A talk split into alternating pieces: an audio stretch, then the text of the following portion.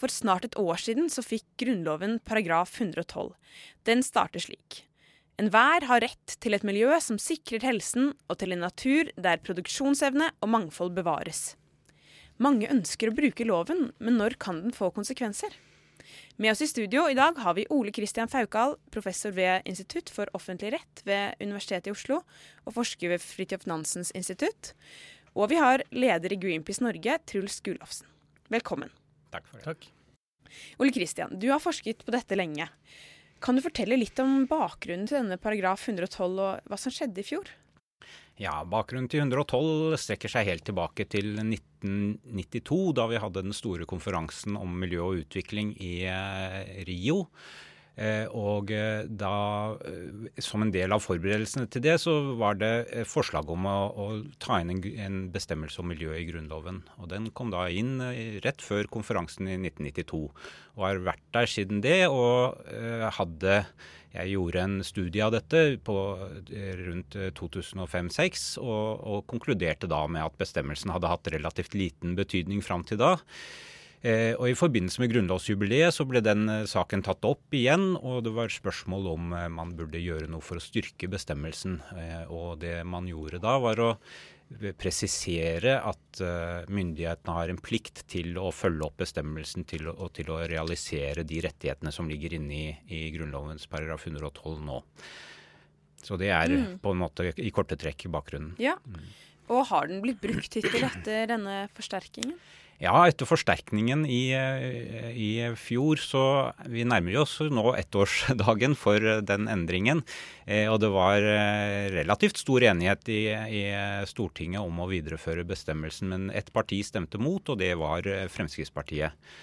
Alle de andre var for denne forsterkningen, og Fremskrittspartiet gikk jo så langt som å si at de egentlig ikke ønsket bestemmelsen i Grunnloven lenger, så de ville kaste den ut av Grunnloven.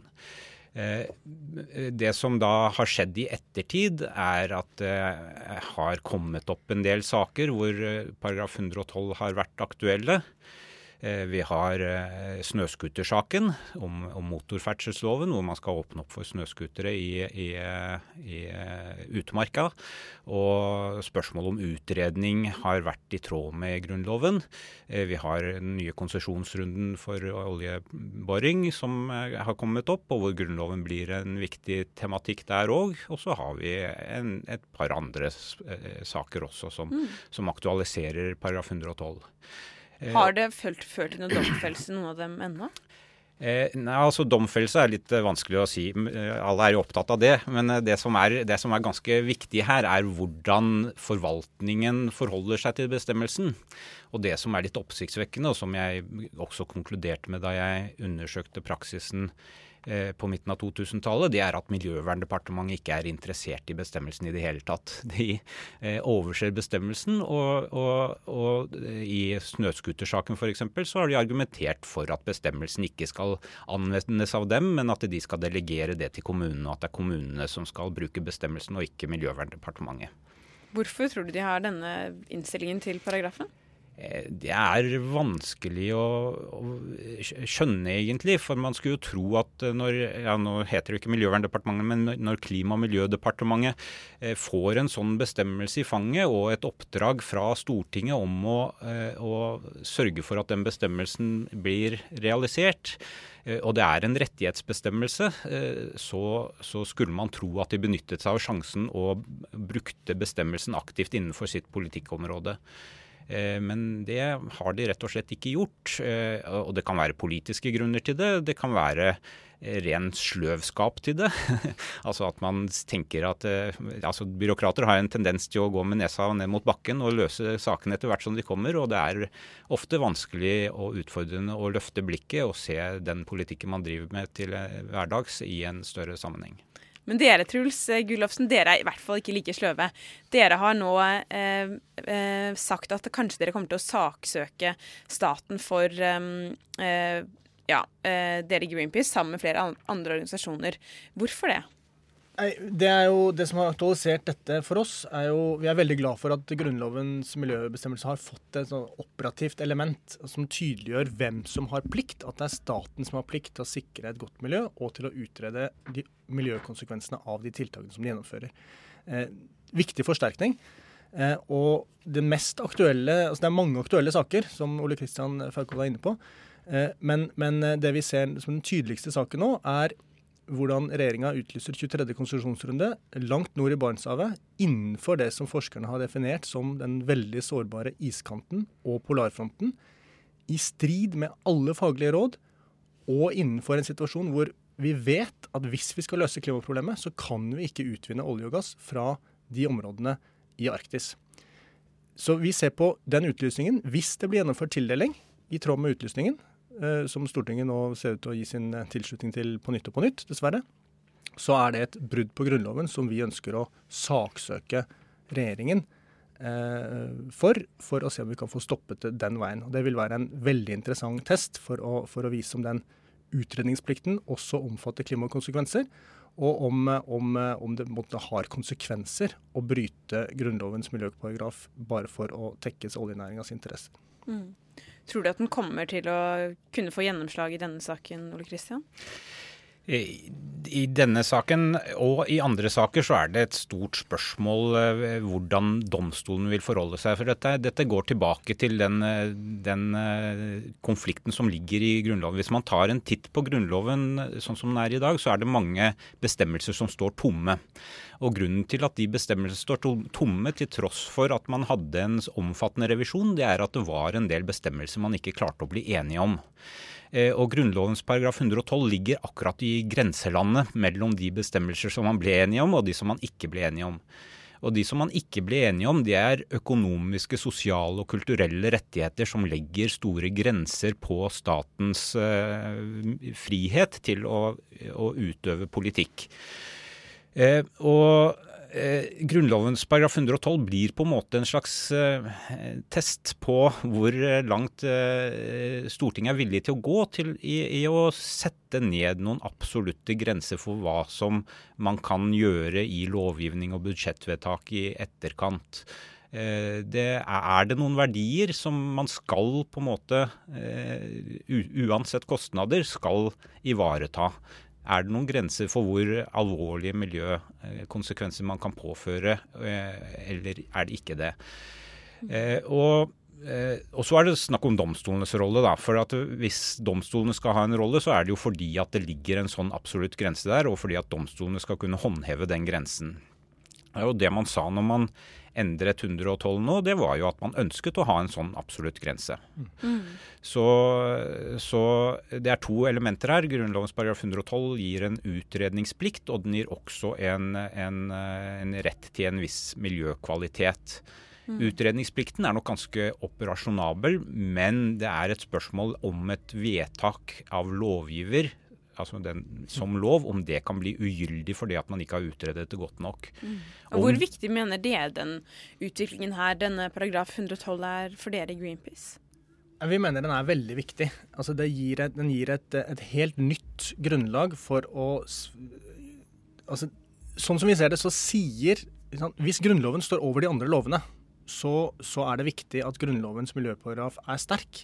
Vi har vært i en periode i veldig veldig mange år hvor, hvor nesten alle miljølovbestemmelsene har vært sånn at man skal veie det ene hensynet mot det andre, og at det skal gjøres av den som forvalter loven. Og Forurensningsloven er jo et typisk veldig problematisk eksempel, som forvaltes av, av, av Cliff eh, forurensningsmyndighetene, og, og, som kan gjøre at vi får tilfeller som Førdefjorden f.eks., hvor mm. er, de sier at det er greit å dumpe enorme mengder med gruveavfall i en fjord selv om miljøkonsekvensene er dramatisk store, fordi at det kan skaffe noen arbeidsplasser. Mm. For, og, for, de som ikke har fått med seg denne saken, så kan jeg snakke litt mer Det er Nordic Mining, en, eh, ja, som da kanskje får lov til å eh, utvikle et gruvedeponi i Førdefjorden. Dette er ganske spesielt internasjonalt også, er det ikke det? Norge er ett av fem land i verden som tillater å dumpe gruveavgang til sjø. Eh, alle andre har forbudt det, med veldig gode grunner.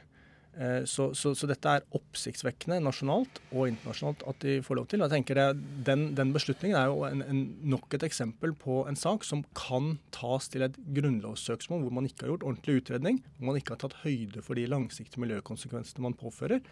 Det samme gjelder sånn som vi ser det, eh, åpning for oljevirksomhet innenfor iskanten i Barentshavet. I en situasjon der vi ikke kan tillate at olje og gass kommer på markedet fra Arktis, fordi at det er det som får klimaet til å tippe i alle gode regnestykker, og det er godt dokumentert av forskere. Så det å kunne gå til en høyere instans, som Grunnloven, når politikernes eh, hestehandel eh, går for langt, det tror vi er veldig viktig. Og vi tror det er viktig å teste den paragrafen i, i ordentlige rettssaler, og trenger folks hjelp til å få det til. Viser disse sakene både i Arktis eller, og dette gruvedeponiet at det har vært en negativ utvikling på miljøfronten etter regjeringsskiftet, eller er det her eh, lengre linjer?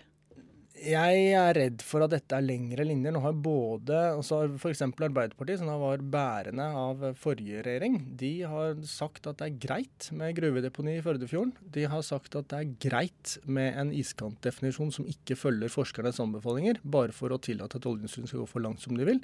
Eh, de øvrige miljøpartiene på Stortinget eh, har vært, har vært eh, veldig tydelige med at de, begge disse tingene er ugreit. Men vi er i en situasjon hvor vi ikke får flertall for konkrete miljøsaker så lenge, så lenge Høyre, Frp og Arbeiderpartiet ikke tar ansvar. Og da er det jo bra at de har, en del av dem da, har tatt ansvar gjennom overordna bestemmelse som sier at miljø er viktig. Og så tenker vi at hvis ikke Stortinget kan høre på sine egne lover, så må vi be domstolene om å, om å tolke loven for politikerne. Mm.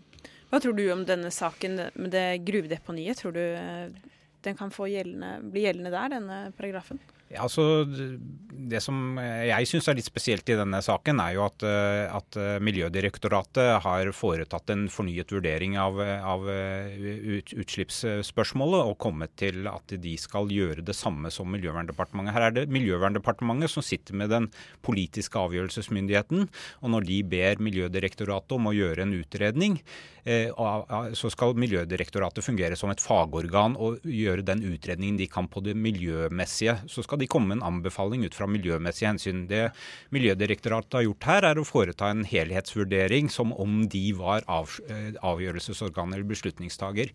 Og Det mener jeg er helt eh, feil måte å, å, fungere på som et miljødirektorat, hvor de ikke har avgjørelsesmyndigheten, men hvor avgjørelsesmyndigheten er gitt til departementet. Eh, så jeg mener at de har misforstått sin oppgave der.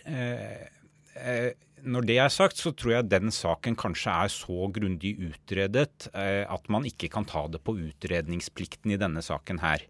Så, så, det som eventuelt da måtte gjøres i, i Førdefjord-saken, tenker jeg er å, å, å, se på hva slags betydning det har for biologisk mangfold, for produksjonsevnen i fjorden, og gjøre noen valg der.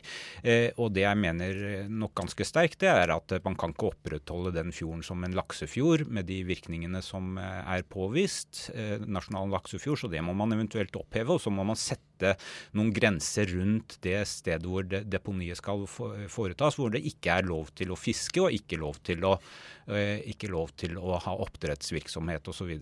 Mm. Så man må ta Det som er problematisk, er at man, man prøver å gjøre litt sånn Ole Brumm-taktikk fra politikernes side. Man vil gjerne si at man kan ivareta begge deler, og er veldig redde for å vise fram de negative sidene ved de vedtakene man fatter. Og Det er jo nettopp derfor vi har paragraf 112, for å tvinge dem til å vise fram hva er de generelle miljømessige ulempene ved den, de politikkvalgene som gjøres. Mm. Og Siden denne paragrafen er såpass ny, så er det vanskelig å kanskje vite ennå hvor stor virkning den får. Men hvis man ser internasjonalt, eh, er det lignende eksempler i andre land? Det er jo det, og, og særlig u-landene, merkelig nok, på et vis, er, er, har vært veldig flinke til å, å, ha denne typen bestemmelser. Og India er vel et av de landene som, eh, som fremsettes som et slags foregangsland innenfor dette feltet her, hvor de har en ganske aktiv eh, domstolsaktivitet rundt eh, gjennomføringen av eh, denne typen bestemmelser. Mm. Ja, det var det vi rakk her i dag. Tusen takk for at dere ville komme, Truls Gullofsen fra Greenpeace og Ole Kristian Faukal.